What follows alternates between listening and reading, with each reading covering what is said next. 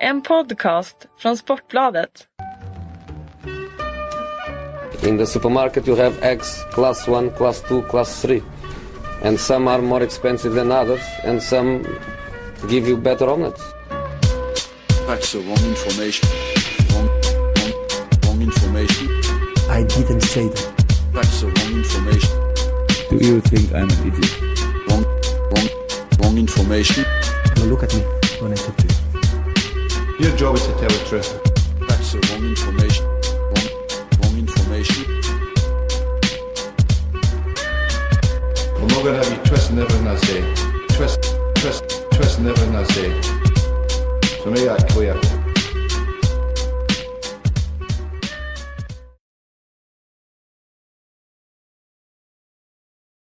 Så låter det när José Mourinho, Alex Ferguson, Arsène Wenger och de andra tar ton mot pressen i vår populära silly vignett Är det din största hit eller? Eh, det är min enda hit. Alltså. Det är faktiskt inte riktigt sant. Eh, jag har ett förflutet som musiker. Ja, jag har, vet ju det. har ju klippt ihop den där så nå- någonting har man väl eh, snappat upp. Men eh, ja, det får man säga. Det där är liksom första extra numret på ditt gig. Ja, ja absolut. det blir ett kort gig. Det är ett bra gig kände jag direkt. Som ni hör så är Erik Niva i studion, inte Patrik Sjögren den här gången. Och, vilket gör Erik eh, lite nervös. Ja, det är bekymmersamt det hela. Ja. Det är väl en sak att eh, hoppa upp på den här silly season-vagnen när Sjögren drar runt hjulen. Men att själv få maskineriet att snurra, det är en uppgift som jag inte vet om jag är mogen. Så jag litar på dig helt enkelt. Ja. Du får göra något grovjobb så får jag bara sitta och vara sarkastisk och avmätt. Jag har skrivit ett manus som är som en, eh, en hel uppsats. Eller som en eh, genomsnittlig Erik Niva-ingress. Det är my- jag vet inte fan, jag får den där alldeles för. Jag fick den för två dagar sedan från Simon Bank av alla människor. Och då sa jag att det är en jävla missuppfattning att mina ingresser är långa. Mina texter må vara långa i genomsnittet, men ingresserna de håller fan varken en kortare eller en längre. Tre till fem meningar. Ja, där någonstans ligger de, ta mig fan. Ta mig fan. Ska Simon säga förresten. Exakt, exakt min synpunkt. Ja. Eh, hörru du, eh, vi, eh, vi måste ju nämna Zlatan. Det har ju pratats mycket Zlatan i, i Silly-fönstret. Eh, Förra fönstret kanske inte så mycket, då kändes det liksom han hade mycket kvar på kontraktet och det liksom rullade på i PSG. Nu börjar det ju pratas desto mer, även att Mino Raiola varit ute och bestämt sagt att Zlatan ska ingenstans. Så rapporterar italiensk media att Chelseas representanter har varit i möte med just Raiola i Berlin eh, för en eventuell eh, övergång, då kanske återförening med José Mourinho. Det känns väl som den tränaren kanske som skulle kunna göra ett sånt move. Ja, han är ju ballsy, men jag tycker ju att Falcao verkar ligga mycket närmare till hans. Jag har väl visserligen för vana att lyssna på Mino Raiola så det är lagom mycket. men jag tycker väl ändå det brukar vara så att när han är kategorisk så så är han det med visst fog. Det är sällan han stänger en dörr helt och sen öppnar den på vid gavel igen utan det måste liksom finnas en liten glänta. Eh, jag har inte hört någonting under de gångna veckorna som får mig att tro något annat än att Zlatan spelar i PSG även nästa år. Nej, jag tror också det. Men det är kul att leka med tanken. Jo, det är klart det är. Det, jag har ju noterat att det även i brittisk press nämns hans namn i anslutning till Arsenal och för den delen Liverpool. Och visst, det är såklart en kittlande tanke, men det är en avlägsen tanke. Ja, det skulle jag säga, det är så långt ifrån FSGs, eh, alltså eh, Liverpools ägares värvningsstrategi som de har meddelat står fast. Eller för den som- delen Arsenals. Det är den som gäller, för den delen Arsenals. Eh, Wenger och Zlatan har ju dessutom lite historia. det Eh, det hade får kunnat man- bli lite, lite dålig stämning i omklädningsrummet. Jag undrar hur många gånger man har fått höra de anekdoterna genom åren. Eh, uh, Arsene Wenger tycker att Zlatan ska provspela. Zlatan doesn't do auditions. Zlatan får en tröja med nummer nio var det väl som han slängde in i garderoben någonstans där hemma. Och sen går det ju också att göra den där. Det finns ju alltid den sammanställningen som folk tycker är lustig att roa sig med över spelare som Tottenham påstås ha varit nära att skriva på kontrakt med. Det finns ju också den sammanställningen över spelare som Arsene Wenger har låtit eh, han har släppt dem genom sitt nät. Det är allt från Cristiano Ronaldo till Zlatan Ibrahimovic och en hel rad unga världsstjärnor som påstås ha varit på gränsen till Arsenal och sen försvunnit i annan riktning. Men Yahya Sanogo gick bra. Ja. Han tog sig igenom. Ja, ja, vart ska, ska han till Crystal Palace eller vart ska Ja, han? vi får se. Vi, vi återkommer till Jaja Ja, lite, lite längre fram. Vi återkommer faktiskt också till Mino, till Mino Raiola. Eh, han hade ett litet eh, cheeky uttalande igår gällande Fifa. Ja, han ville bli interimpresident såg jag. Precis. Ja, inte mig emot. Vi, vi ska köra lite eh, Fifa-sill längre fram jag tänkte. Ja, för det, det är ju roligt. Ehm, Benitez har ju tagit över spakarna i Real Madrid, vilket ju förvånade alla. Ehm, och nu verkar han enligt eh, spansk press ha liksom riktat fokus bort från Pogba som många pratade om liksom skulle bli eh, Galacticon inför den här säsongen. Nu har Benitez kommit in och sagt att nej, han vill nog ha Verratti snarare, vilket då skulle öppna för en liten karusell där kanske att Pogba till PSG, Verratti till Real. Eh, håller du med om Benitez att Verratti eh, skulle vara en bättre lösning för Real Madrid än Pogba?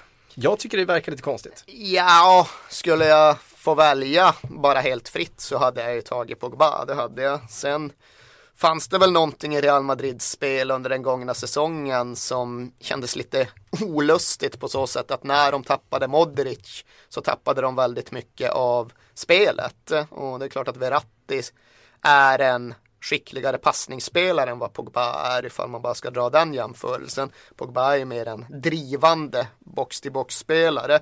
Eh, Så det går väl att hitta någon logik i det. Det går definitivt att hitta en tanke där Pogba skulle vara mer värd för PSG än vad Verratti skulle vara med tanke på det franska, det parisianska och viljan att återknyta till det.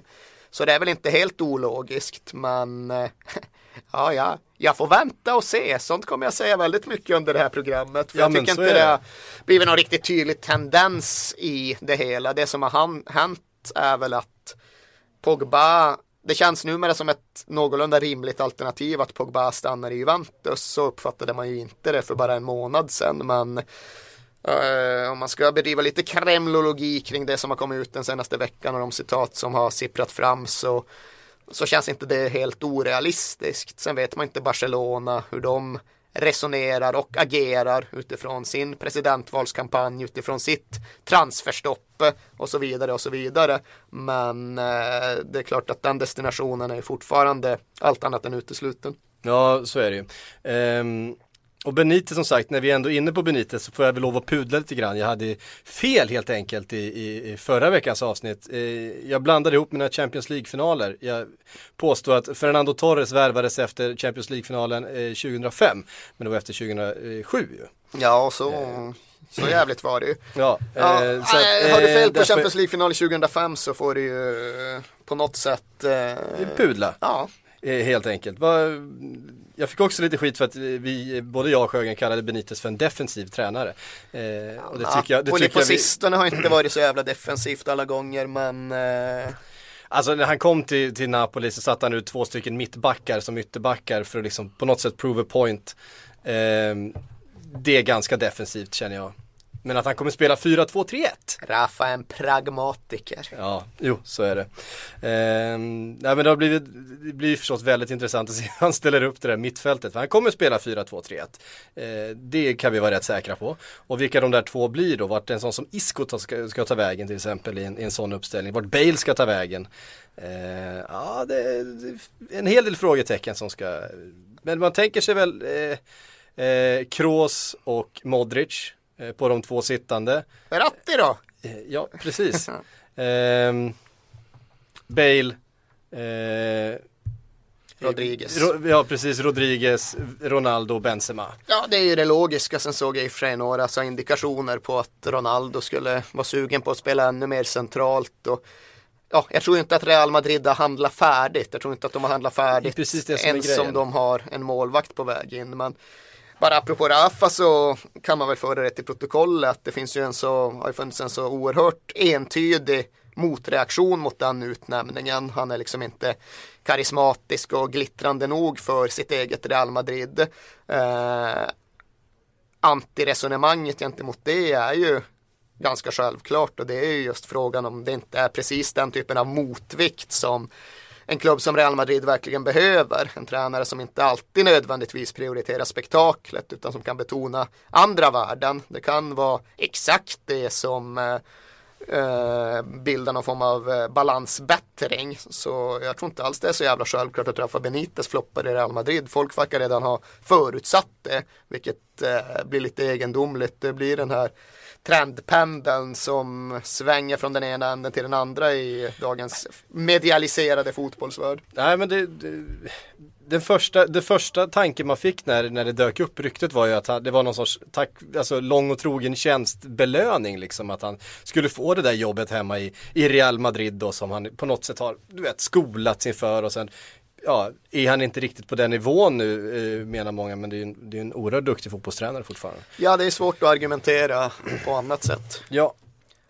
Ehm, från Benitez upp till eh, London då, Peter Käck som nu ska ha fått eh, tillåtelse från Chelsea att själv välja vilken klubb han ska gå till utav de intresserade.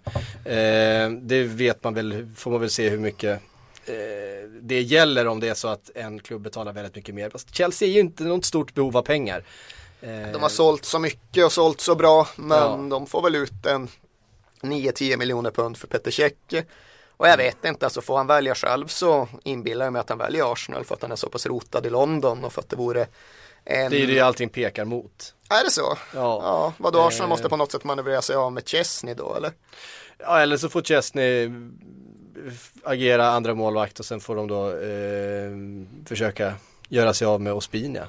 Ja, det känns ju, värva Arsenal en målvakt, sätter honom som första keeper, låter honom göra det helt okej i ett halvår och sen släpper honom direkt efter. Det känns Det är väldigt o-Arsen. exakt, så det tror jag inte på helt enkelt. eh, Utan i så fall tror jag ju mer på, på att Chesney skulle söka sig en ny klubbadress, men det är ju en svår flytt. Han vill ju ingenstans så Nej. eh, det skulle kosta för en köpande klubb och jag tror inte det finns så jättemånga spekulanter som är beredda att betala fantastiskt stora pengar för Wojciech Chesney uppriktigt sagt.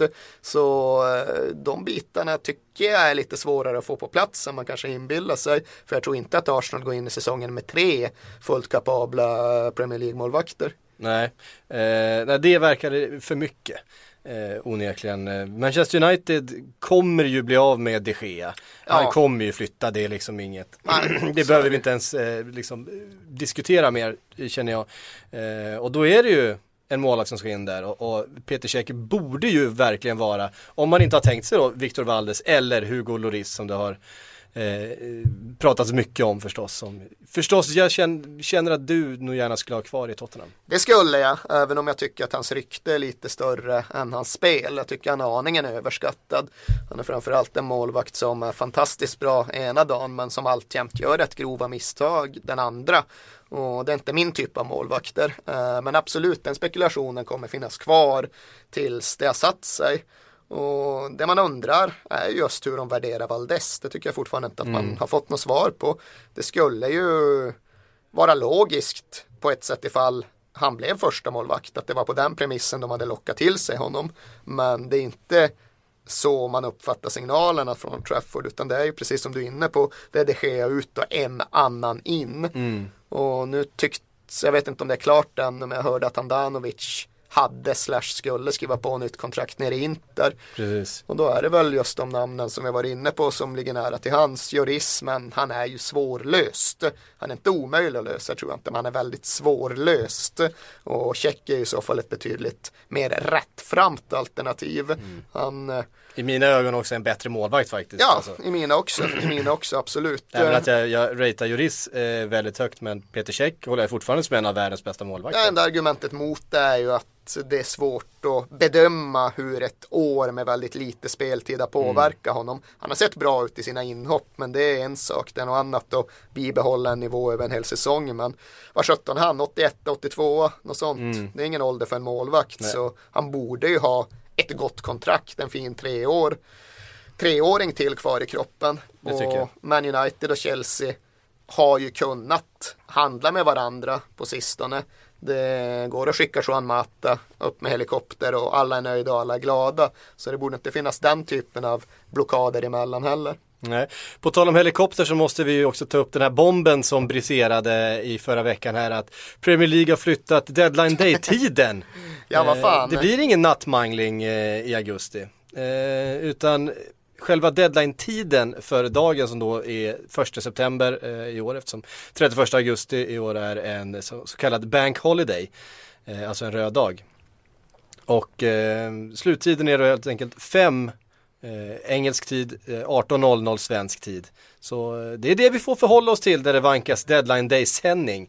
Eh, Ja, spontant känns det ju fel just eftersom att allt som ändras alltid är dåligt i fotbollsvärlden. Men Ja. jag vet ändå inte, vad fan, eh, både vi och hela Deadline Day-maskineriet har ju tröskat på i samma hjulspår rätt länge. Man sitter där och väntar på Harry Redknapp eller Odin Wing ut genom ett bilfönster. Och, ja, vad fan, det kanske behövs en nytändning. Nu kan det bli en jäkla aktivitet runt lunch och in på den tidiga eftermiddagen. Och vi får se till att liksom, ja, folk kommer inte kunna jobba eller gå i skolan alls under den här dagen. Och det måste vi ju se som något positivt. Att vår påverkan på massorna kan bli ännu tydligare i och med detta. Så är det ju. Och jag gillar ju lite det där att, att, att nu är verkligen du vet, blåslampan där. Vid klockan, klockan fem, då ska det vara klart. Och man vet ju att affärer kommer göras på den här dagen oavsett om, om eh, sluttiden är klockan 11 på kvällen. Men gäller det här bara England eller är det här Europa? Eller Det här är väl, eh, det- ja som jag har sett så är det Premier League som har fattat beslutet men det, det handlar ju om att Champions League-truppen ska vara inlämnad klockan 11 på kvällen Ja, ja, ja, ja. eh, den första september. Så Premier League har då bestämt att, Det att skiter väl West Bromwich i? det kan man ju tycka att de gör men det, de får helt enkelt finna sig i att det ska vara lika för alla. Eh, Det ska vara lika för alla i synnerhet uppe i toppen. Ja precis, vissa är mer eh, Orwellianskt värde än andra, precis. Exakt. Eh, så är det ju. Ja, men vad så, att, så, att, så att de ska få då de här sex timmarna på sig att eh, lämna in sina slutgiltiga Champions League-trupper helt enkelt. Ja, det är en tuff exercis. Det tar sina, det tar sina goda 500 minuter. Mm, absolut. Men, eh, ja det gör det ju, vad fan, sex gånger så är det 360 minuter. Ja, ja, eh, men det innebär att vi får vässa in här vid åtta på morgonen och köra Ja, liksom. det är, så är det ju. Ja, jag, det- jag, kommer, jag kommer stå här med piskan klockan eh, vid sju, halv åtta och så tvinga in er i något smink som ni ändå inte vill in i. Och, Ja, det gör vi inte. Nu ringer din telefon. Jag brukar alltid bli häcklad för att jag har telefonen på. men det här är- ringer Patrik Syks telefon mitt i allt. Det är är, det något med grillen? Aha, nej, det var inte något med grillen. Men eh, vi tar det sen. Eh, ber om ursäkt för detta. Det är för dåligt som poddansvarig att, att sitta i poddstudion med telefonen på. Jag tycker det är för faktiskt hör dåligt. till god ton att ta på telefonen. Ja. Man kan inte, man måste kunna ta in intryck från omvärlden även under en inspelning. Absolut. Eh, så är det, men så är det i alla fall med deadline day. Eh, jag förstår att många utav er konservativa fotbollssupportrar där ute är upprörda, men eh, det ska nog bli bra det här också ska ni se. Ja, ni är inte mer konservativa än vad jag är och jag är någonstans ändå lite försiktigt positiv. Det tilltalar mig just att se hur produktiviteten i hela nationen, både här och på andra sidan Nordsjön, går ner under hela den här arbetsdagen. Eh, Sa du att det var Bank Holiday i England i och för sig? Ja, dagen innan. Dagen innan, okej, ja men då... Ja, det är därför det inte kan vara deadline Nej, just på... det. Ja, men lågproduktivt. Folk får ta ledigt eller i alla fall maska sig igenom arbetsdagen på något så här Roland Paulsen-vis. Det blir kalas. Så är det.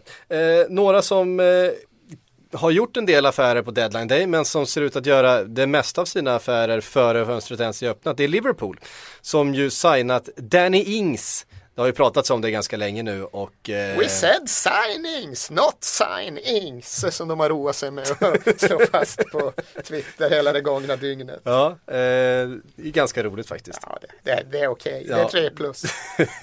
eh, jag har i alla fall skrivit på subject due to eh, läkarundersökning. Ja, det är väl också subject due to eh, komma överens om övergångssumman, antingen klubbarna sinsemellan eller Via den här domstolen ja. Ja, precis. Och det här är ju faktiskt fantastiskt festligt just att eh, Liverpool har, har blivit Daniel Levid från ingenstans. För Tottenham gick ju in med det helt obegripliga 12 miljoner pundsbudet och ingen kunde riktigt begripa varför i och med att Ings redan hade kommunicerat att han ville till Liverpool. Men det tycks ju verkligen vara så att de har gått in och gjort det i första hand för att bara jävlas. Ja. Och vi lägger det här budet så då kommer den här kommitténs eh, jämkning av priset drivas upp på en klart högre nivå. Och sen finns det väl också möjligen... Är det lagligt att hålla på så här? Det, att det- är Levi-lagligt. det, är- det, det känns jävligt gråzon här alltså.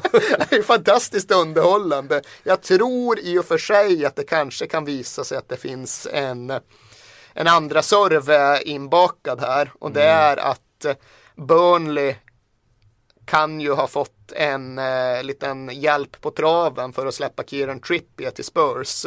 Högerbacken eh, som är lovande och rivig men fortfarande ganska oslipad. Han är ju eftersökt av en handfull Premier League-klubbar på någorlunda hög nivå. Och det kan ju vara så att Spurs... Inklusive Liverpool. Ja, det kanske, eh, så kanske det är. Istället för Glenn Johnson. Vad händer med Glenn Johnson? Vi återkommer till det. Men det kan vara så att, Turkiet. att Spurs har eh, sagt till Burnley att ja, men om vi hjälper er här lite med Ings-affären. Om vi får se till att ni får ut några extra miljoner pund här. Då ska vi väl kunna komma överens om den här tatuerade högerbacken. Det är faktiskt inte helt orimligt men Nej, nej. oavsett vilket är det jävligt festligt att jävligt Tottenham, fult är det. Tottenham verkligen har drivit upp det där priset. Men, men jag, jag fattar inte, han är ju kontraktslös och det handlar ju om den här utvecklings eller den här utbildningsersättningen på Ja, ja. något sätt. Det är det det rör sig om. Men där ska ju en doms, alltså om inte klubbarna kan komma överens om den här utvecklingsersättningen eller utbildningsersättningen eh, så ska ju en, eh, någon sorts sport, idrottsdomstol avgöra vad, priset blir. Men jag tror att den idrottsdomstolen förväntas väga in ett presumtivt marknadsvärde.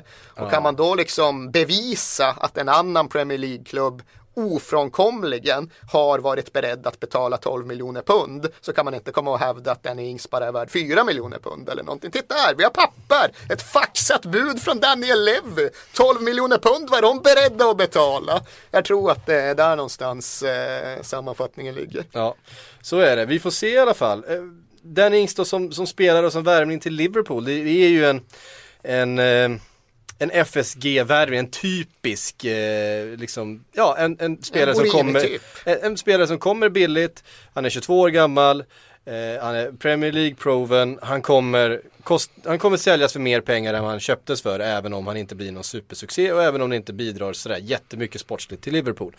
Eh, så sammanfattar jag i alla fall den, det är liksom ett logiskt köp. Sen utesluter inte jag att han faktiskt kommer kunna bidra till Liverpool för att det är en, eh, en duktig fotbollsspelare tycker jag. Eh, jag känner framförallt att inte förra säsongen men säsongen innan den när han kom upp eh, och, och Charlie, Charlie Austin precis hade lämnat Burnley för QPR. Eh, och det var egentligen inte, inte Danny Ings utan snarare Sam Vokes som skulle vara den som eh, liksom axlade manteln från, från eh, Charlie Austin. Ehm, och, och, kommer upp som 20-åring ehm, i ett lag som för det mesta utav spelet som Burnley gjorde i Championship och blir Player of the Year, gör 27 mål, eh, alla eh, turneringar och, och har en kanonsäsong utifrån, för att det är en jävla skillnad att som Burnley förra året springa på andra bollar, få jobba väldigt mycket själv, inte få speciellt mycket assistans från mittfältet, eh, mycket kontring och fasta situationer att göra sina, och han petar ändå in 11 bollar men att i, i, i eh, säsongen innan faktiskt spelat i ett spelförande lag i ett av då den ligans bästa lag, de kom ju tvåa där bakom, bakom Leicester, eh, var så pass effektiv och, och var det så, så ungt. Det tycker jag är det som får mig att, att i alla fall vara lite optimistisk inför eh, den här värvningen. Det ska bli kul att se honom när det är U21-EM i Tjeckien. Det är ju en turné som ska bli skoj på många sätt att följa. Men jag tycker faktiskt att den ofta ger en ganska bra indikation på vart de här, ja, kanske framförallt Premier League-spelarna ska ta vägen. För de kommer ut och mäter sig i en annan miljö och det ställs andra krav på dem. Och de måste spela ihop till ett rykte snarare än att få det gratis eh, i egenskap av att vara Premier League-spelare. Och nu kommer jag inte ihåg så det jävla mycket av turneringen 2013 men 2009 och 2011 följde jag eh, på plats både i Sverige och i Danmark. Och 2009 så var det liksom uppenbart att Joe Hart och James Milner var på en klart mer elitkompatibel nivå. Cattermole var med där också va? Cattermole var också med och gjorde väl inget större avtryck. Walcott var också med och gjorde också ett halvdant intryck. Men där kände man ju att där finns det någonting. Men många sådana där spelare som man ändå hade haft höga förhoppningar på. Michael Richards till exempel. Jag ska inte nämna med Mancien och James Tompkins och de andra som var med i backlinjen. Men många föll igenom medan Milner och Walk, eller Milner och Hart flög på ett helt uppenbart sätt. Lite samma i Danmark två år efter då det var Welbeck och Sturridge eh, som jag tyckte var ganska överlägsna i England. Då var det i och för sig, det var Jordan Henderson sommaren och jag skulle hålla ett lite extra öga på honom. Jag tyckte inte att han såg speciellt bra ut. Så visst, det är väl inte helt felfritt men det ger ofta en eh, osedvanligt tydlig indikation. De där tre gruppspelsmatcherna. åldern, det är den där åldern. Det är den där det ska åldern ha liksom den där- klickat, vissa saker ska ha klickat redan. Ja, man ska vara se att de kan överföra just talang Mm. till en högre nivå. Så de där tre matcherna brukar säga mer än en hel halv säsong kan göra hemma i den eh, välbekanta miljön. Eh, så vi får se. Men Mm. Ings Milner, var ni på Milner redan förra veckan eller ska du ge din syn på honom också? Eh, vi var väl inne på Milner förra veckan eh, misstänker jag. Det, det är ju en värvning som, som går rakt in i startelvan för mig. Jag tyckte det var en av, en av Manchester Citys bästa spelare förra säsongen. Eh, trots att han startade så få matcher så kom han ju ofta in och eh, inte minst den där matchen mot, eh, mot Bayern München var han ju Men ser du honom som suverän. inne mittfältare eller? Alltså, det pratas ju om att han har givits något löfte om att han ska få spela centralt. Ehm, och alltså, jag tycker Milner är jätteduktig centralt. Alltså i Aston Villa var han ju fantastisk centralt. Eh, och det var ju från den positionen som han värvades till Manchester City. Eh, om det så var så att han värvades för att spela ytterst, men det var ju ändå där han spelade när han värvades. Ehm, han kommer säkert få sina chanser centralt. Men framförallt så är det ju en, en Rodgers-spelare, alltså en spelare som du kan ha på, på fem olika positioner. Eftersom Rodgers ska byta spelsystem tre gånger eh, per säsong. Tre gånger per match eller på Ja. det du skulle säga. Ja men det är ju nästan, det är ju nästan så. Alltså att man, man måste kunna hantera liksom väldigt eh, specifika order och väldigt specifika roller. Och där, där är ju James Milner eh, ideal. Han är faktiskt. smart som fan och han är ombytlig, han är dynamisk, han kan ju spela wingback utan några problem. Han skulle Ja, ja. kunna fylla en kant. Han går direkt från nummer 10 till wingback på en order och, Ja. gör, och gör det precis lika bra i, i samma match. Det är ganska få som gör det. Så att på det sättet så är det en supersmart värvning. Eh, menar, han, och dessutom, det ska man, han är en northern lad. Han, han förstår liksom eh, vad det innebär att spela där uppe. Han, han, har, han har respekt för, eh, för klubben, Liverpool. Han har liksom, han har det med sig. Han har vuxit upp på Leeds läktare som det rör sig om då. Eh, som ju inte är helt olikt liksom. Eh, Liverpool. Så att, ja men det är en, det är en jättebra värvning tycker jag. Men alltså stämmer det? Jag har inte gått in och granskat det på så sätt att jag fått en känsla för om det är korrekt. Men löneuppgifterna runt honom, är Ja. det så jävla sjuka pengar han får? Alltså det har väl inte kommit ut någonting officiellt. Eh, men det som det pratas om är att det ligger runt 150 000 pund i veckan. Men det måste ju spräcka hela lönebudget. Det måste göra det rätt svårt att prata med Raheem Sterlings agent i nästa förhandlingsvända. Ja, det, det, det låter ju helt sjukt. Alltså det är ju, det är ju extremt mycket mer pengar än, än eh, ja, Gerard låg väl nästan där uppe. Eh, men inte riktigt. För det är ja, FSG-modeller hit och FSG-modeller dit. Det känns inte så jävla FSG-kompatibelt. Nej. Men- Eh, absolut inte. Nej, jag, det där eh, har som sagt inte släppts några officiella uppgifter på. Det kan finnas både eh, add-ons och sign-ons och allt. Incentive-based. Precis, det som Martin Skertel inte var helt nöjd med att de ville skriva in i hans eh, nya kontrakt. han, var inte, han, var, han var inte ens bara, bara, bara lite missnöjd, han var svinförbannad. Det var liksom, ja, det här är paragrafer avsedda för spelare som är på väg att dö. Typ, han.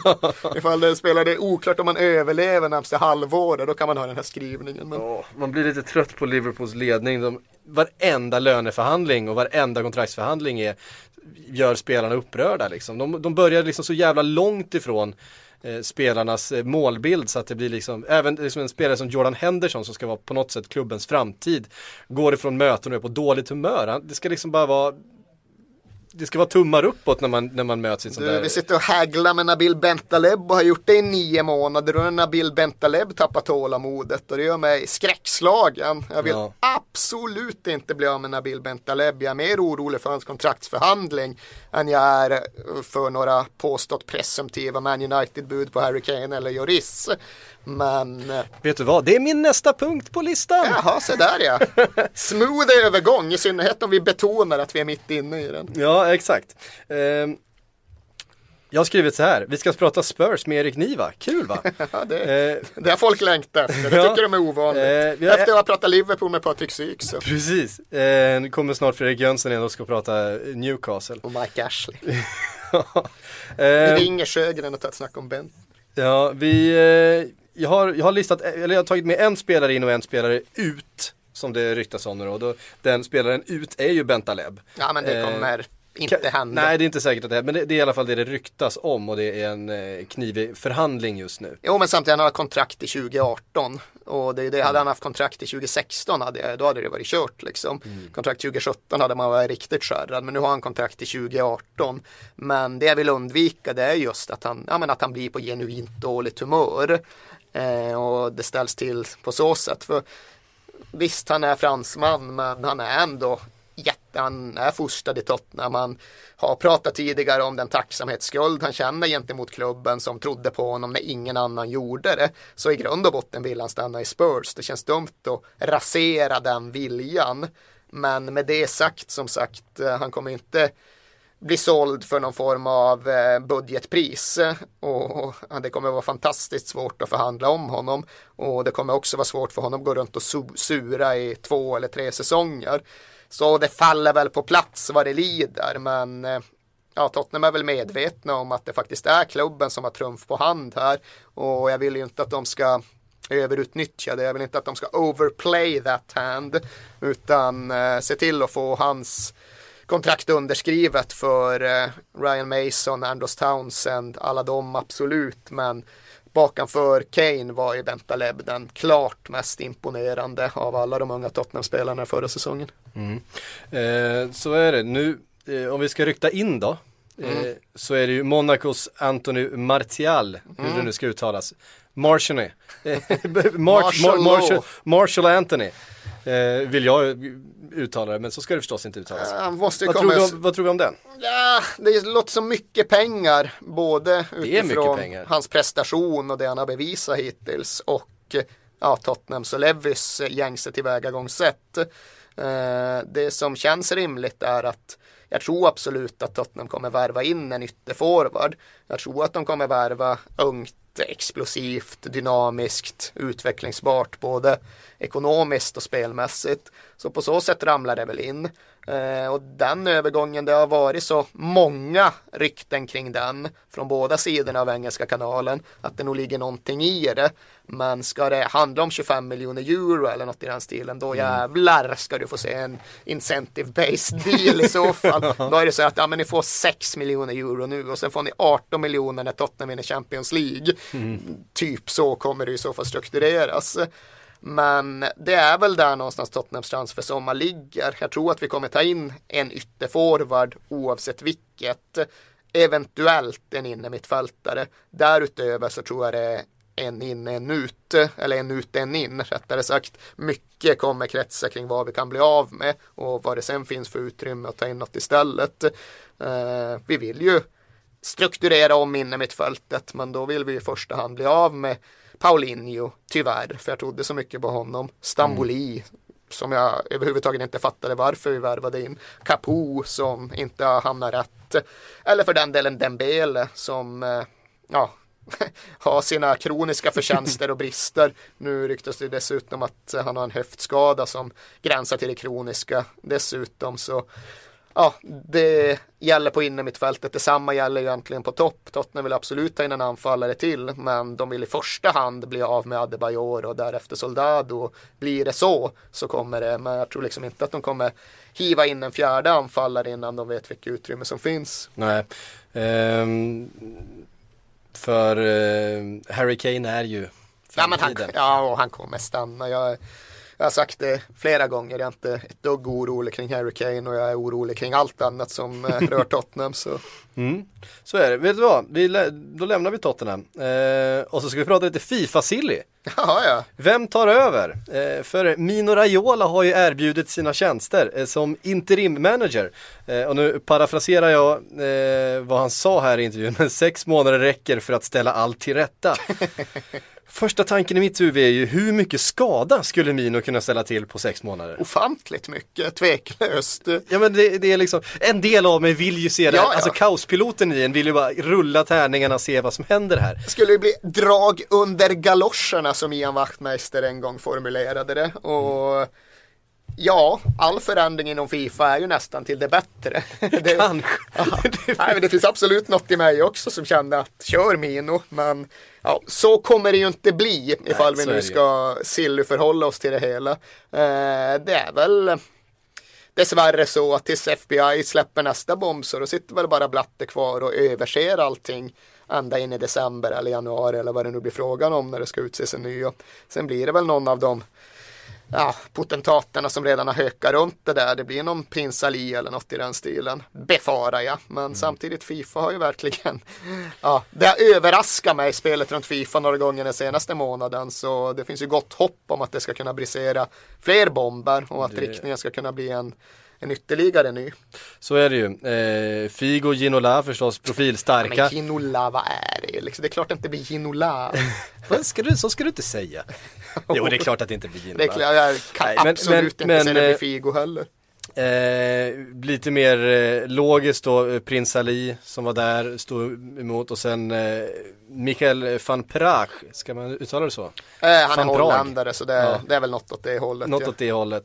Eh, och så förstås Platini. Ja, och där känns ju det sistnämnda eh, ganska sannolikt. Visst, han har vid några tillfällen sagt att det inte är hans gig, men eh, som realpolitiker runt omkring honom har konstaterat, det har han ju bara sagt eftersom att han uppenbarligen inte haft någon chans.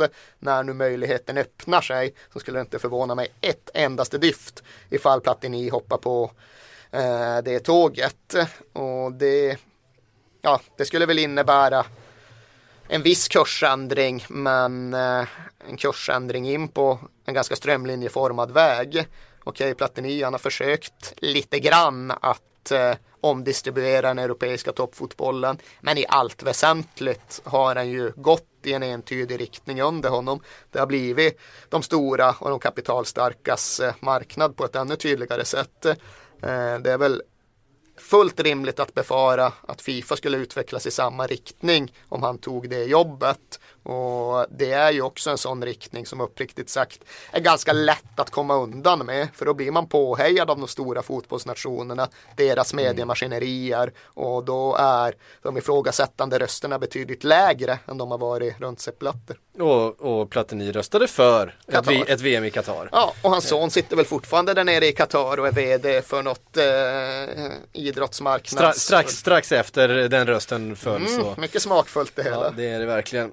Ehm, det var Fifa-sillen det, vi vet ju inte så mycket, alltså det där är ju är omöjligt att spekulera egentligen. Men det var ändå, det var, det var kul att ta upp, mest för att Mino Raiola var, var, var glad. Eh, Jag är glad om. Mino är glad höll jag på att säga. Jag är Ja. framförallt glad om FBI kör på. Fan vad jag sätter tilltro och hopp till FBI nu. Det sköna är ju att alltså, amerikanerna kommer ju nu vara så att we saved soccer. De är ju redan där. Ja, men det har de rätt till. Ja, ja och, det, och, det, och det bjuder jag, det bjuder jag så gärna på.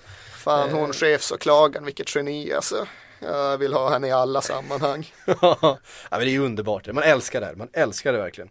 Eh, men jag tänkte vi skulle gri- grisa ner oss i någonting annat som kan få vissa konsekvenser på transfermarknaden och som eh, Fifa i högsta grad är inblandad i. Det är nämligen eh, deras förbud mot tredjepartsägande. Jag gav dig en heads up eh, inför det här programmet att vi skulle prata om detta för det är, det är, inte så jävla in, invecklat egentligen men, men eh, konsekvenserna av det kan väl i alla fall krävas en liten förklaring.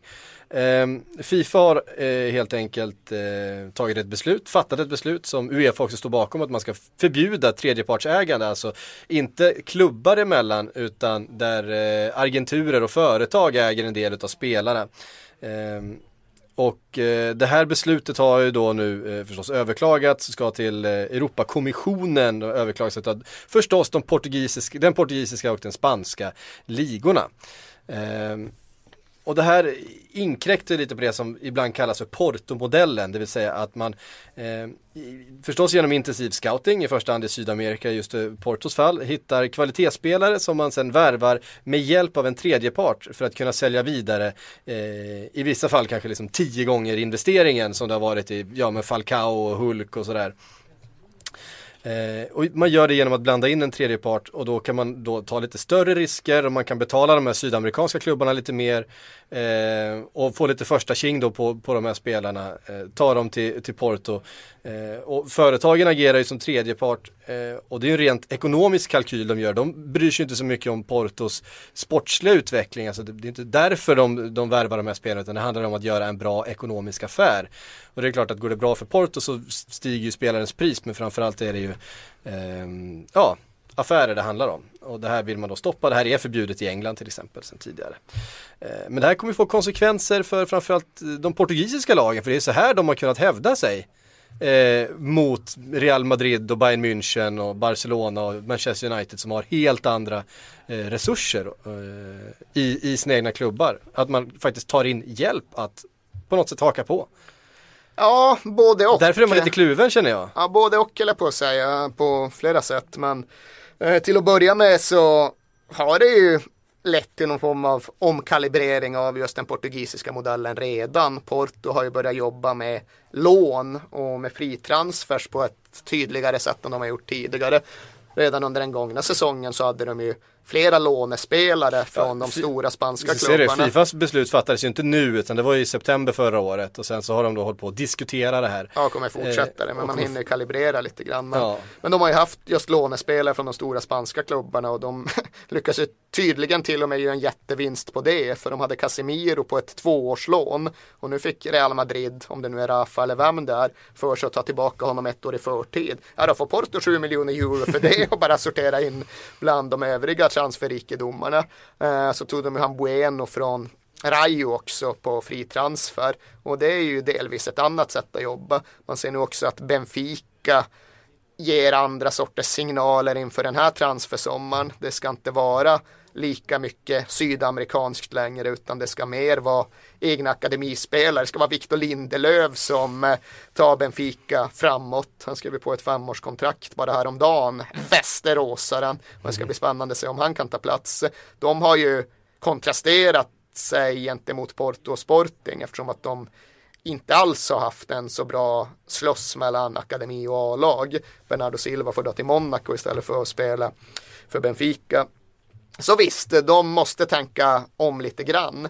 Samtidigt så måste jag känna att jag inte riktigt känner igen mig i den här bilden som de målar upp. Att det här har varit deras sätt att hävda sig gentemot Real Madrid och Bayern München. Alltså det är inte så att de har vunnit en massa dragkamper mot Real Madrid och Bayern München. Det är bara att de har tittat på andra spelare. Real Madrid och Bayern München värvar färdiga spelare. Ska de värva direkt från Sydamerika så får det ju lov att vara Neymar-typen mer eller mindre framöver. Och där kommer ju Porto ändå inte kunna hävda sig hur många trepartsägare de än visar upp. Ifall de går i clinch i en transfersituation mot de mycket större klubbarna så är de ju chanslösa.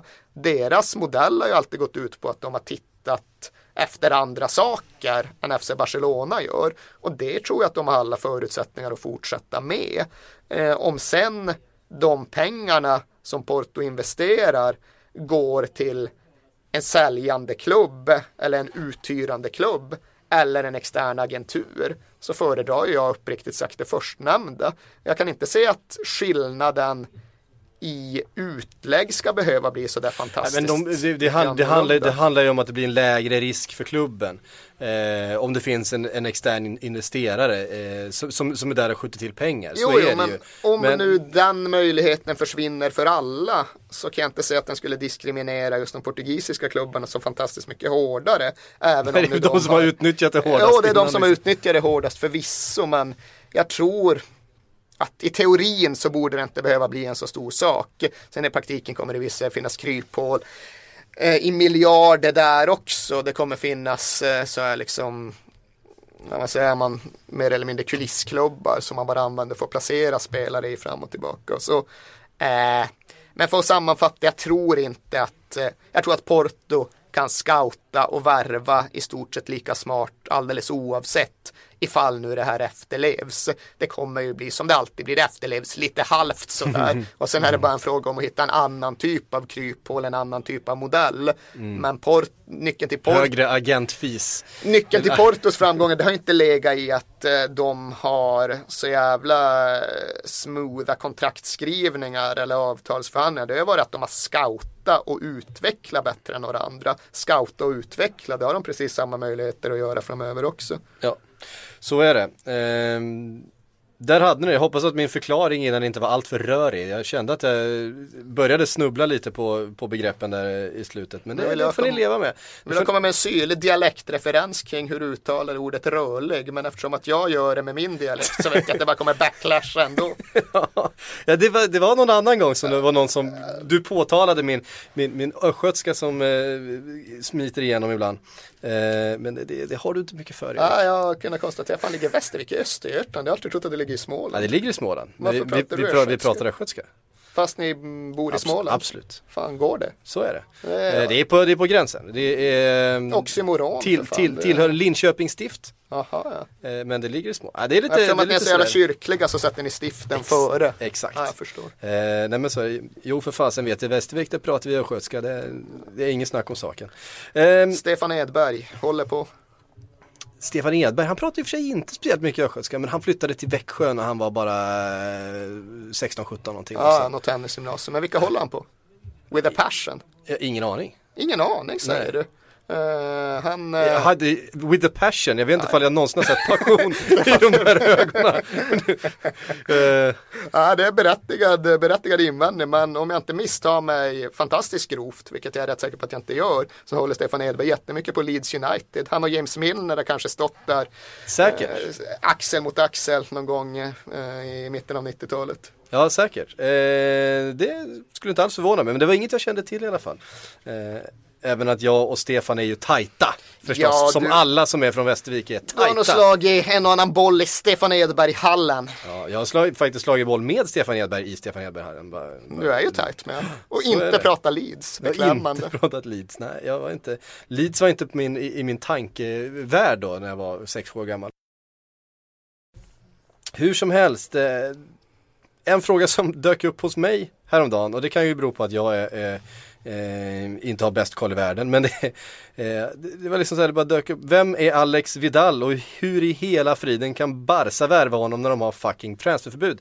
Eh, sen har man ju googlat lite grann då sen den här frågan dök upp i huvudet. Eh, dels vem Alex Vidal är men Alex.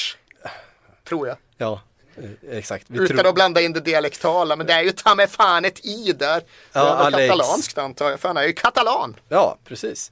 Eh, och det är ju så här att han kommer ju först nästa år.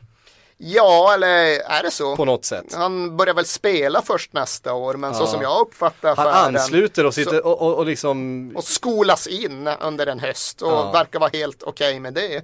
Och nu komplicerades ju det hela ytterligare av att Dani Alves valde till slut att skriva på den där jävla förlängningen. Så nu ska ju han vara kvar och köra. Och det borgar väl i och för sig för en jävligt smidig övergång. Kan Alves plöja på i majoriteten av nästkommande säsong. Vidal kan dyka upp och köra lite på våren och sen kommer den stora övergångsfasen nästkommande säsong. Men det är klart att det kräver ju mycket av Vidal. Det kräver en rätt stor uppoffring av Vidal. Att som, först- dess, som dessutom inte är utpräglad eh, ytterback egentligen. Nej, och det kan väl i och för sig vara ett case för att de väljer den här lösningen. Att han kanske måste utbildas i att spela ytterback. Och det kanske är vettigt att låta det huvudsakligen ske på träningsplanen under ett halvår eller så. Men det är klart, Vidal han är inte purung, han är inte 19, han är väl sådär 26 eller någonting. Och att då bara försaka en halv säsong för att sen stå i skuggan av Daniel Alves för att därefter eventuellt gå in som första val. Det är en rätt stor grej, men sen är ju FC Barcelona också just en rätt stor grej i synnerhet för, För en en, katalan. katalan, som har varit där i juniorlagen och snurra. Sen vet jag inte, i och med nu att Alves skrev på kontraktsförlängningen så vet jag inte om det är uteslutet att Vidal lånas tillbaka till Sevilla. Sevilla och Barcelona har ju så jävla mycket med varandra att göra numera. Det Kan lån- de göra så då? Kan, alltså, I och med det här transferförbudet så transfern går ju egentligen först igenom första januari. Det är ju liksom det som är grejen. Det är någon sorts ungefär som, ja men säg som Liverpool har gjort med James Milner nu då. Den transfern går ju faktiskt, han är ju Manchester City-spelare fortfarande fram till första juli när fönstret öppnar och så vidare. Ehm, Ja, svaret är jag vet inte. Jag har ingen aning vad som är möjligt. Men jag vet ju just att Sevilla och Barcelona har utvecklat jäkligt tajta band, lånespel. Eller, ja. Ordet kryphål kommer ju krypande eh, till en. För att det känns ju som att det finns något kryphål där som man har utnyttjat. Eh, för att eh, hela tanken var ju att Barca inte skulle få värva spelare. Ja, samtidigt är det väl svårt. Det är svårt att förhindra och knyta liksom avtal som träder i kraft först när, eh, när avstängningen hävs. Det är väl svårt att se några hinder mot men ah, vi får se. Men vi kan i alla fall konstatera det att fan vad Sevilla gör pengar på Barcelona och fan vad Barcelona gör spelare på Sevilla. De- Rakitic är ju magisk alltså. Ja, Rakitic är fantastisk. Dani Alves har ju varit, Ja. trots alla hans brister och trots att han är så pass irriterande som han är ibland, så har han väl varit världens kanske bästa högerback tillsammans med Filip Lam under den senaste tioårsperioden. Keita gjorde ju mycket nytta när han kom till Barcelona också, så ja, de har verkligen hittat en, eh, en handelsväg, en sidenväg däremellan. Det är ju Sevilla och Arsenal de värvar ifrån och Sevilla-spelarna tenderar att vara mer lyckade än de de hittar i Arsenal. Ja. Såg när alla graf på det där att om man bara räknar så så har typ FC Barcelona pröjsat en om det var en tredjedel eller en fjärdedel av Emirates liksom. Bara i transfer. Man värvar, rätt bra från Liverpool också. Ja, det är en kille bekostar Ja, Mascherano ska vi inte glömma. Nej, det ska vi verkligen inte. Det ska vi fan inte göra. Vad, vilken läktare ni bygger om nu? Är det huvudläktaren eller? Ja. Eh, när är den klar? Den är klar. Eh, ska vi vara klar till nästa säsong? Ni skulle börja borta för att den inte skulle vara klar riktigt till dess. eller Något sånt. Jag har Ja, inte stenkoll på det Nej, där. Det är ändå snabbt ska- jobbat att bygga om en hel huvudläktare på en sommar. Ja, de bygger inte om hela heller. De bygger typ på den på höjden på något sätt. Alltså, Ja, jag vet inte riktigt hur det är, men de, de, det, är inte, en- det är inte en fullständig eh, ombyggnation. Eh, som jag har förstått det.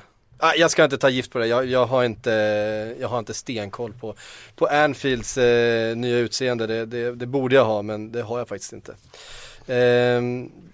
Det de, däremot så skulle väl eh, COP förlängas tror jag. Eh, förlängas, alltså vadå? Den ska, nej, bli... den ska bli högre. Ja, okej, den ska, den ska höjas. Höjas. Men kommer den vara, den, jag förutsätter att den kommer vara single tier fortsättningsvis också. Ja, det, det ska det vara. Ja, då, då så, då är det väl okej. Vi måste ju begränsa förändringarna. Ja, men alltså vad fan, det är ju hela selling pointen med den läktaren och för den delen sydtribuner på Westfalenstadion att det ska vara just single tier. Det ska inte vara några jävla glasrutor mitt i läktaren och så vidare. Eh, men vad fan. Mm, Jo men den ska, den ska den, ska- ja. Som sagt jag, jag eh, har inte så bra koll på det där arenabygget. Jag ska läsa på, jag ska läsa på till en framtida jag kollar om ni podcast. lyckas skrämma bort alla stackars hyresgäster som får sitt eh, hem bulldozrat som en konsekvens. Alltså de är inte så jävla många ändå. och eh, något jävla offer får man ju spika upp på alltså, läktarens det, man kan inte, kan inte göra en omelett utan att knäcka några ägg. Nej, det Så är säger, det ju, men framförallt det de skulle börja med och det är ju också logiskt att de skulle börja med att bygga ut de här logerna och det som faktiskt drar in pengar Ja. eh, i väldigt hög utsträckning. Eh, och det var ju många som irriterade sig över att man skulle börja i den änden men det är ju en, eh, en kapitalistisk, eh, eh, ett, ett kapitalistiskt, fan nu tappar jag ord också, kapitalistiskt eh, initiativ att bygga om den här arenan eh, överhuvudtaget. Det är ju inte för för fansens skull i första hand utan kanske för att tjäna mer pengar på, på klubben. det är fascinerande hur man påverkas just. Eh, Tottenham har ju haft ett övertydligt eh, exempel på det där med ja, individens rättigheter kontra storkapitalets framfart. Det var ju det här lilla stålverket eller vad man nu ska kalla det för som hette Archway som bara vägrade sälja på, några, på Tottenhams villkor och på egen hand då blockerade hela ombyggnationen av White Hart Lane. Och i grund och botten så står man ju såklart på den där lilla familjeföretagets sida. Vad fan ska de bara sälja på någon annans villkor så fort eh, de åläggs att göra det. De ska väl få driva sitt eh, verk bäst de vill. Men samtidigt, vad fan arenan måste byggas om. Håller de på och blockerar bara för sin egen intresse. Var det där det började brinna? Det var där det började brinna. Ja, det, Lite, det känns sådär va? Ja, det var lite besvärande kan jag väl Ja. känna. Det blev väl aldrig klarlagt ifall det var en eh, naturlig eller anlagd eld. Det blev i alla fall aldrig klarlagt att det var en anlagd eld. Men det kändes väldigt besvärande. Sen finns det ju tydligen något i brittisk lagstiftning som väl någonstans ändå allt sammanvägt är ganska vettigt. Där liksom individens särintresse ställs emot någon form av eh, uppfattat allmänintresse ifall nu det här stålverket blockerar möjligheterna att regenerera hela det nedgångna Tottenhamområdet ja då kanske den rätten ändå ska anses vara juridiskt mindre värd. Och Måste man elda så måste man elda. knäcka ägg och elda och allt det där. Ja, ja, det är vad det är. Precis. Kapitalen måste fram. Från White Hart Lane då till Jackson Martinez eh, via Portugal till eh, Arsenal då. Ja, så får det inte bli. Då blir de ju bra på riktigt. Eh, nej, jag såg nu att hans agent var ute och bara fastslog att eh, det kommer bli klart och färdigt med Jackson Martinez flytt under den kommande veckan. Det kommer bli en, i hans ord, eh, stor europeisk klubb som pröjsar hela utköpssumman på 35 miljoner euro. Och det verkar väl i och för sig som att det halvt nyägda Milan och kanske till och med det ambitiösa Valencia ligger före i kön. Men det är klart att det går att se en logik i en Arsenal-övergång. Det enda man tycker, de brukar inte värva så stort Ut- Så dyrt brukar de inte Ja, vara. alltså, de gör det ju en, en gång per per år. sommar har de ju börjat göra Ja. nu för tiden. Men det brukar ändå vara ganska Özil, man kan inte säga att det var så utdragen. Det var väl lite blixt från klar himmel. Men min känsla här är att det har varit klart så länge att Martinez ska flytta. Att om det hade varit Arsenal han skulle till, då hade det redan varit mer väldokumenterat. Det hade sipprat ut mer uppgifter om det i brittisk press och så vidare. Det här är naturligtvis en spekulation är som många jag kan få i ändå. nacken. Det är många röster just nu som, säger, som placerar Martinez i Arsenal. Ja, jag, min teckentydning går ut på att det inte är där han hamnar. Men jag inser att jag kan få det här dubbelt i nacken. Dels kan jag mycket väl ha fel. Dels kan Arsenal mycket väl bli bättre. För Martinez är ju med reservation för omställningen och anpassningen en anfallare av väldigt hög europeisk klass. Ja, ehm, som har, han har sådana dagar och han är helt eh, fantastisk. Men jag har också sett matcher där han har promenerat runt och, och Ja, sett fan, väldigt ointresserad ut. borta, hur sugen skulle du vara? Jävligt sugen skulle jag säga. I och för sig alltså. Nej, han var ju, han kom ju tillbaka från skada och fick verkligen kämpa sig tillbaka för att kunna starta mot Bayern München. När jag var nere i Porto på den matchen och där framstod han ju verkligen som en så jävla ledarfigur. Tog laget i sin hand och baxade det upp det på en högre nivå än det tidigare hade varit på. Verkligen ledde dem förbi FC Bayern och det gjorde han då halvt skadad och eh, så vidare. Där imponerade han stort så jag tror nog att han Det har gjorde han. karaktären också. Absolut. Fan, men, före vi lämnar Portugal, vi måste säga någonting om Jorge Jesus. Ja jävlar du. Den, är, den den såg ju, jag inte komma. Den, den är ju helt, alltså den är ju så galen. ja, Alltså han, nu lever han ju under liksom polisbeskydd på, på hemlig ort och så vidare. alltså eh, någon siffra på hur många dödshot han hade fått ta emot. Det var ju flera hundra. Liksom. Ja, ja visst. Eh, jag menar, det där är ju som att gå från, från Rangers till Celtic liksom, eller Ja, det, alltså, Nästintill. Nästintill, inte riktigt det, för det, det, det, är, det är jobbigt. Ja, men det Eh, som också gör det lite ovanligt är ju asymmetrin i det hela. Det är ju en sak att gå från den Lite mindre sporting till lite större. Exakt, eller för den delen från den jämnstora rivalen till den jämnstora rivalen. Men här går han alltså från den stora, mäktiga, titelvinnande klubben till den lilla, underpresterande konkurrenten. Mm. Och det gör ju det hela lite extra Och kittlande. man förstår inte riktigt varför. Ja, det var ju tydligen Jorge Jesus. Han eh, har ju en ganska stor tro på sin egen förträfflighet. Han tycker att han ska värderas därefter. Och den springande och utlösande punkten var väl som alltid pengar. Han tyckte att han skulle få mer betalt än vad han fick. Och sen är det tydligen så, det här har jag bara läst mig till, att det finns nya angolanska pengar i Sporting. Sen finns det visserligen de som hävdar att de angolanska pengarna och Jorge Jesus lön, de kommer från olika ställen. Och jag vet inte fan hur de där budgetöverslagen går ihop. Men Olika, finns olika pengar luktar olika mycket. Ja, så. något sånt kanske. Ja, men det finns nya pengar i Sporting och det finns en vilja att åstadkomma någonting. Och det finns en ständig önskan om att knäppa Benfica på näsan. Och när allt det där sammanföll så fanns det tydligen då plötsligt en möjlighet att få loss en Jorge Jesus som gick och kände sig plötsligt undervärderad i Benfica. Sen har han ju också en lång och grundmurad Sporting-historia. Han har själv representerat klubben och tydligen var hans egen pappa en jättestor, eller är en jättestor sportingman. Han är en gammal herre numera. Han ligger tydligen på sjukhuset och ja, närmar sig frånfället. Men eh, innan han då skulle ha fullbordat eh, övergången så ska då Jorge Jesus ha åkt till sjukhuset och sagt till pappan att ja, nu kan du vila i frid, nu infriar jag löftet, nu återvänder jag till Sporting. Och det är klart att det finns något lite romantiskt och sentimentalt kring det, men det kan också vara en del förklaring till att den här osannolika övergången blev av. Ja, för att den är osannolik verkligen. Ja, den är, den är helt jäkla. Ja, det är liksom som någon sa, det är inte riktigt, men det är ju Arsène Wenger till Spurs. Okej, okej, han har varit där ännu längre, åstadkommit ännu mer. Men just det där med styrkeförhållandet mellan Ja. två rivaler. Och Rodgers till Everton skulle inte vara samma sak, för Rodgers har inte åstadkommit så Nej. jävla mycket i Liverpool. Men Jorge Jesus har ju verkligen gjort Och jag skulle säga att i rivaliteten mellan, mellan Liverpool och Everton är inte lika stark heller som den är mellan, eh, mellan klubbarna i Den Lissabon. har ju fortfarande den där friendly Ja, den, garneringen. det som- finns ju där sen eh, 25 år tillbaks. Ehm, nej, den är, den är jättemärklig alltså. Den är kittlande i alla fall. är jättemärklig. För oss som följer den portugisiska fotbollen på lite sådär lagom långt Mm. avstånd så är det klart att man blir mer intresserad på den säsongsupptakten. Ja, ja men så är det. Hey, I'm Ryan Reynolds. At Mint Mobile, we like to do the opposite of what Big Wireless does. They charge you a lot, we charge you a little. So naturally, when they announced they'd be raising their prices due to inflation, we decided to deflate our prices due to not hating you. That's right. We're cutting the price of Mint Unlimited from $30 a month to just $15 a month. Give it a try at mintmobile.com slash switch. $45 upfront for three months plus taxes and fees. Promote for new customers for limited time. Unlimited more than 40 gigabytes per month. Slows. Full terms at mintmobile.com.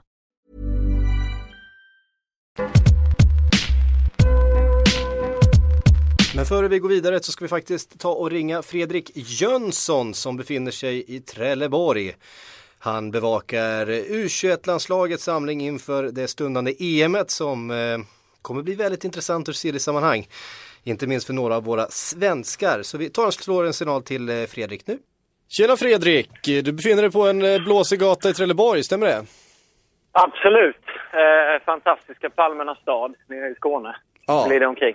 Underbart. Har varit och hängt på Tjongavallen i ett par dagar. Ja, vi var ju där eh, igår.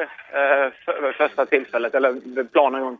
Bakom där så ungefär halva u gänget tränar de som hade spelat i Allsvenskan var inte med. Och sen är det träning idag och imorgon och sen är det match på torsdag.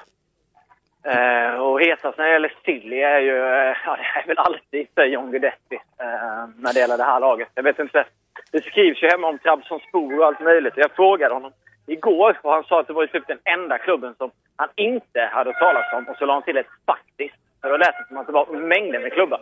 Eh, och sen så eh, sa han att, flinade han lite och så sa han att du får ta det med min agent eller min agent. Och sen satte han lite press på dem också och skämtade lite och skojade och sådär.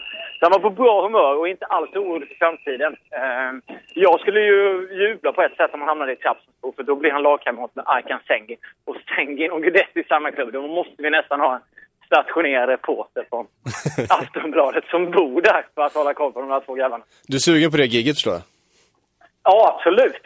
jag ska ställa in det nu i, i Sillypodden.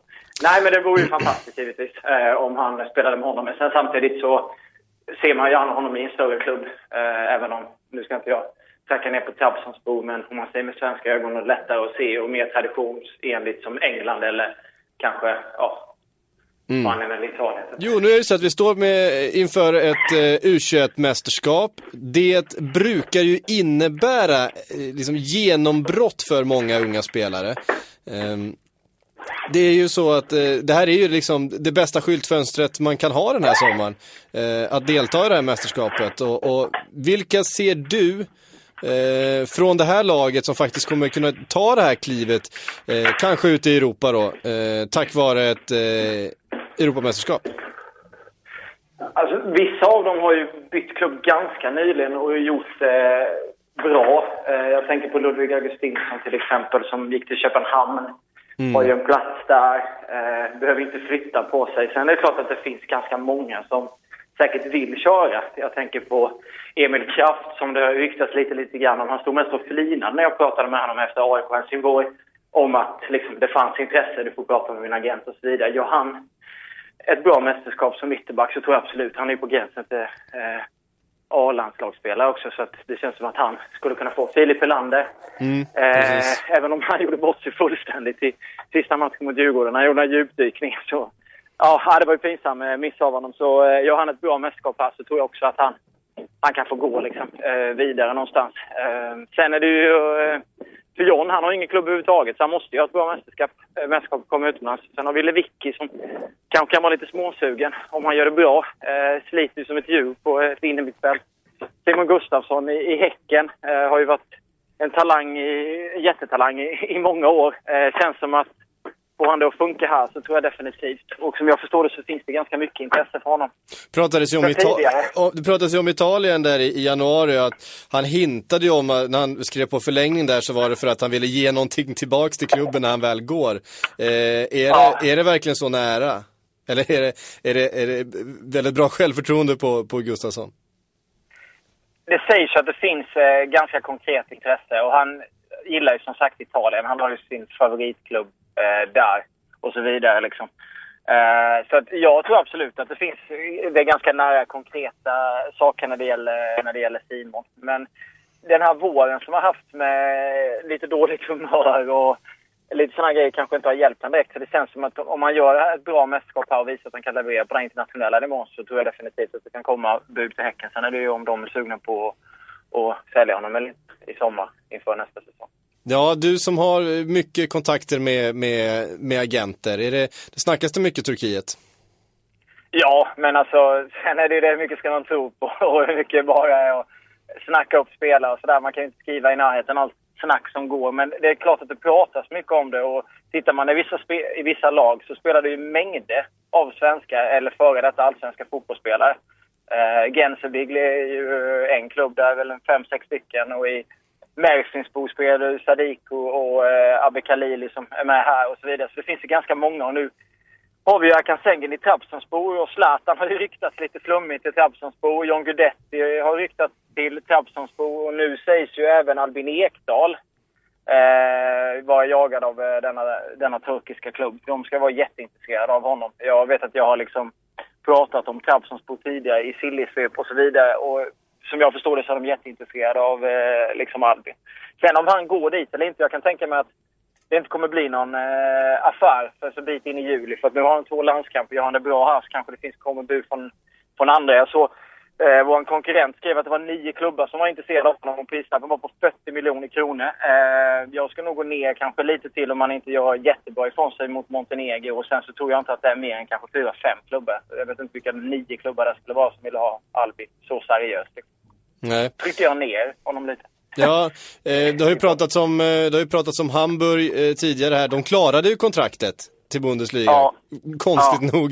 Med sista Ja, halmstrået verkligen. Ehm, är de fortfarande intressanta tror du? Eh, jo, det tror jag. Alltså, eh, det skrevs ju ganska nyligen eh, om det, så det känns väl som att de eh, fortfarande är sugna. Men alltså, skulle prislappen bli på 40-50 miljoner så vet jag inte om de ger det för, för Albin. Senast de hade en svensk gick inte så jättebra när Marcus kostade typ 100 miljoner. Men det kanske man inte bryr sig om i det här fallet, men det känns som lite mycket pengar. Eh, men jag tror absolut, de, Trabzonspor, jag tror inte att det finns så många Premier League-klubbar som det har skrivits om tidigare när det gäller honom, utan eh, jag tror att det är Turkiet, Italien och och Tyskland för Mm. hans del eh, i så fall. Men HSV är en speciell klubb, man vet aldrig. nej, precis. Eh, definitivt. Det är ju en annan femma å andra sidan. Vi har ju reportrar som är med A-landslaget. Det känns som att det kan nog bli mycket, mycket surr kring det här mästerskapet. Alla möjliga spelare som ska vara med här liksom, i U21 och sen får vi väl se vad svenskarna, svenskarna tar vägen. Det är lite som du var inne på tidigare, att det oftast blir att man flyttar på sig och då kanske man inte ser det som så mycket pengar för en sån som Emil Kraft kanske. Och eh, HF får 5-6 miljoner, han försvinner till Vännäs, Turkiet eller Grekland eller något sånt här. Liksom. Mm. Eh, och han är ju ändå en, han har ändå varit med i A-landslaget och så vidare. Men det är väl John som är den som man liksom mm, eh, vill få fram var fan han ska gå för någonstans. Eh, men det lär ju ta tid även om han inte är orolig. Han har ju, ingen, han har ju liksom ingen klubb. Jag skulle vara jättenervös. Tänk om han, Men om ser- gå sönder liksom. Alltså han är ju eh, extremt viktig för det här laget.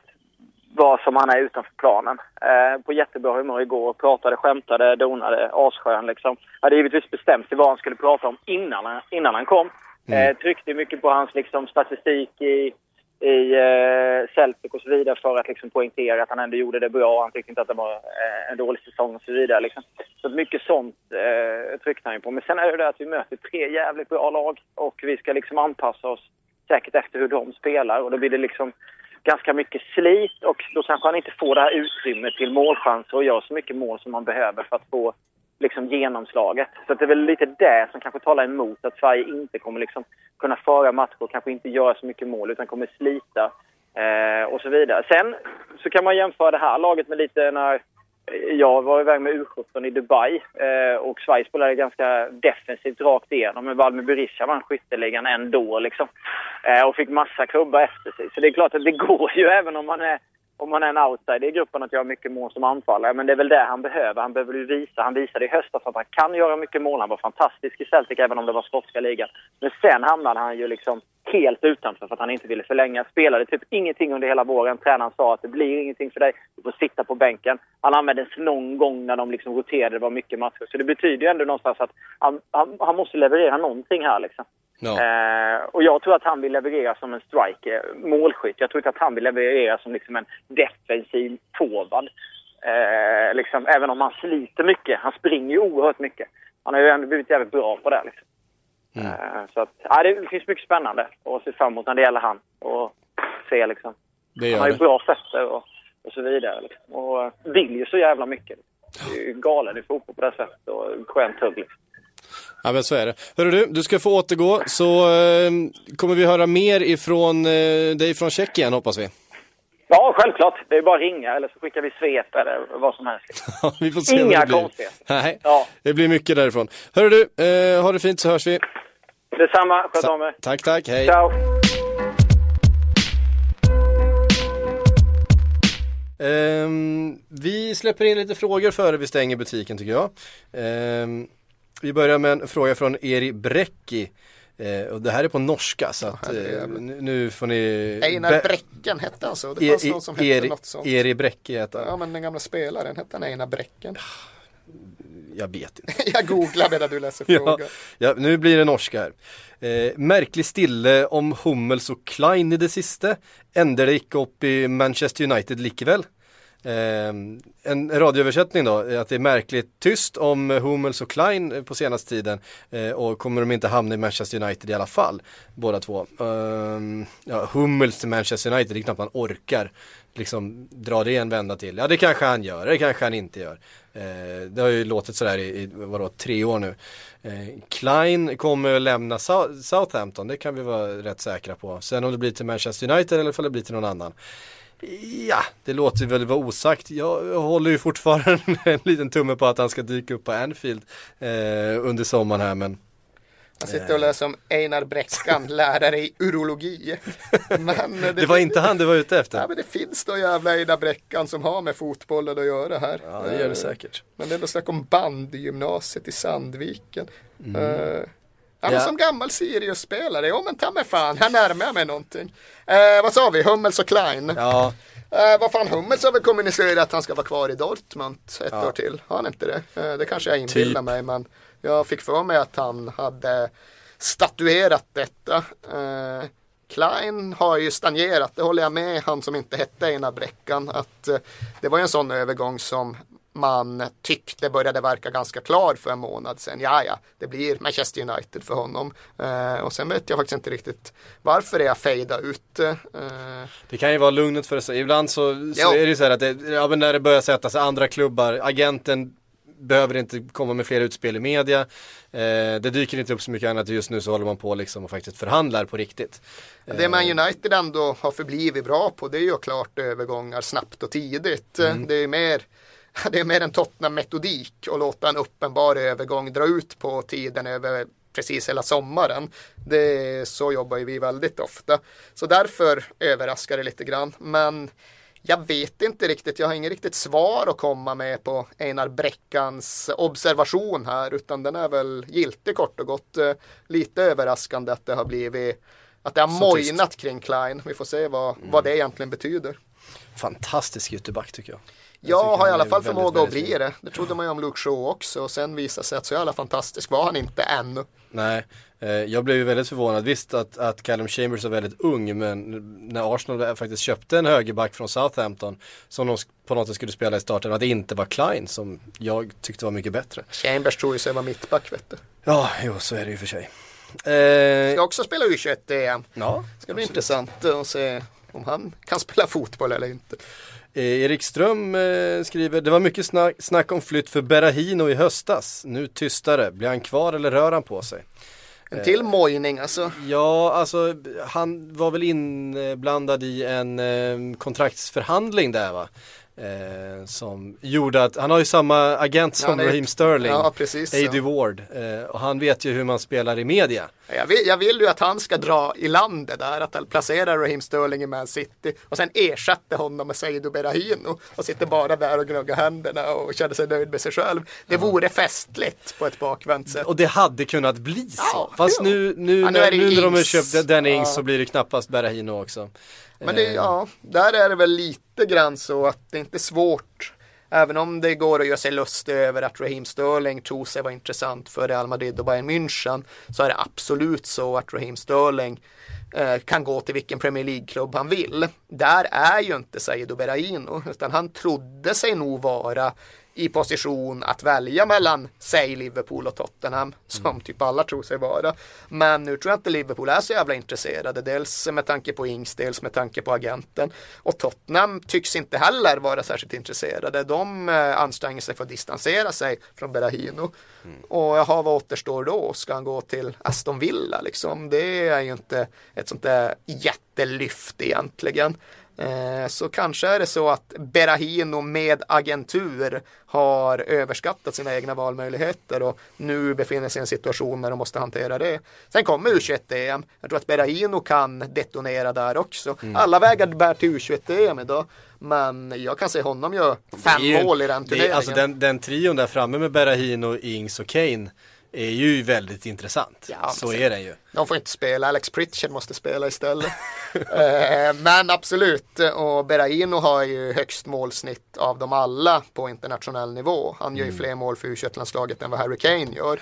Och Han har gjort jäkligt mycket mål för u landslaget Jag, tittade för, I kvalet till det här mästerskapet så han gjorde ju mål hela tiden. Han jag tror gjorde han inte gjort så här, typ 10 på 12 eller något. Ja, att han precis. nästan snittar ett mål per match. Och, så jag tycker verkligen att det ger, det säger någonting, den där internationella nivån. Det säger visserligen väldigt mycket mer när det blir mästerskapen, när man har Vitryssland hemma på, på Riverside, men lika fullt. Eh, så jag tror att Berahin, och ifall han gör en korrekt analys av läget så då avvaktar han U21-EM och ser ifall valmöjligheterna kanske blir större om den turneringen blir lyckad. Mm. eh, Fredrik Spets skriver, läser om både Falcao och Higuain till Chelsea. Vem skulle passa bäst? Eller behöver Chelsea någon annan? Kan Chelsea få gå in så vore det kanon. Även om man missar straffar så är han ju en... Eh, Viktiga straffar. ja, jo, får man ju säga. Nej men han håller ju världsklass som central anfallare. Han är inte bäst i världen men han håller världsklass. Och det gör ju inte Falcao längre. Det är inte bara att han hade ett misslyckat år i Man United. Han var ju tyvärr inte så lyckad under sin tid i Monaco heller. Och det är inte att eh, dra iväg alldeles för mycket att anta att hans bästa tid är förbi honom. Sen är det ju där också, han ska också han ska spela mästerskapsfotboll med Colombia, ska göra ett Copa America och om han går bra och får ihop det med Backa där framme eller om det nu blir Jackson eller hur det blir. Men om Colombia överraskar, går till final, då kanske till och med en Falcao kan bli revitaliserad. Jag tror inte det, jag tror att eh, om man tar in Falcao så då blir det ungefär som att ta in Fernando Torres bortsett från de där 50 miljonerna pund som, som skiljer. Men han kan nog bli bättre men jag tror aldrig han blir riktigt bra igen. Jag tror aldrig han blir så bra som Higuain kommer att vara nästa säsong oavsett var han spelar. Nej, det, så är det. Ehm, vi tar ett par frågor till. Falkenberg. Är fa- Får jag en fråga om Falkenberg season nu så vet jag faktiskt inte vad jag gör. det är hans Twitter-handle. Okej. Han heter Falkenberg. Annars skulle jag, jag vet att jag svarade det här monstret de har på topp som kommer någonstans från nordöstra London. Vilka klubbar vi kopplar ihop honom med. Ja, just det. Kan det vara något för Leighton Orient? Det kanske det kan. Gamla hemkvarteren. Ja, precis. Eh, när han skriver så här. Nainggolan. Rycker någon Premier League-klubb honom? Det har ju pratats om Inter där också. pratats om en jävla massa klubbar. Eh, möjligtvis som ersättare till Kovacic eh, i Inter som eventuellt ska vara på väg ut, eventuellt till Liverpool. Eh, vi får väl se. Ja, här känner jag mig besvärad eftersom att jag inte ens har koll på exakt hur Naingolans paragrafskrivning mellan Cagliari och Roma och det finns säkert någon sjunde part inblandad där också ser ut. Jag vet kort och gott inte vad det krävs för att köpa loss Nainggolan. Är det så att han är 100% ägd av Cagliari nu på något sätt eller hur fan ligger det där till? Eh, Jag, fått, jag, får, jag, jag, tror, jag tror att jag läste det någonstans men jag, ska inte heller, jag vågar inte heller eh, säga det. här behöver vi Men- Patrik Sjögren som ska Precis, här hade vi, be- precisera vi statuterna. behöver dig Patrik. Eh, det har pratats också mycket om Manchester United eh, för Nainggolan. Ja, det verkar som att Inte är, minst de senaste, senaste dagarna. om inte jag ser alldeles fel så ska han då vara 100% ägd av Roma och det komplicerar ju det hela. Vad är då, vad är det i så fall som säger att det är så självklart att han ska flytta? För han har ju verkligen beskrivit som en spelare, ja, han kommer röra sig. Men vad då Roma förblir ju Roma. De ska spela Champions League och de har ju ambitioner att växla upp så ah, nu sitter jag bara helt eh, väldigt långt ifrån där jag borde vara för att fylla ut den här stolen i Silly Season-studion. så jag håller käften och låter någon annan redogöra för det. Ja, eh, ti- googla Ja, är vårt tips. Ja, exakt. Ja, hörni, det var allt vi hann med den här eh, tisdag eftermiddagen. Tack Erik för att du kom och eh, höll låda tillsammans med mig en timme. Det tyckte jag vi löste ganska bra. Två plus. Två plus. Eh, det är godkänt. Exakt. Det är, det, det det folk inte får med sig, att två, två plus faktiskt är godkänt. Nej, de tror att det är en jävla sågning. Ja, liksom. eh, Själv är det måttstocken på livet. Tar man upp till två plus då får man vara nöjd. Det, det är väl där man alltid ska sikta. Det är ju minsta, det är minsta möjliga godkända prestation. Ja, nej, men hela livet handlar ju om att förvandla två plus till tre plus. Och eh, det är inte det lättaste. Där får ni riktig filosofi från Erik Niva. Tack för att ni har lyssnat. Hej! Think I worked for 16 years here in England, and I deserve a bit more credit than wrong information.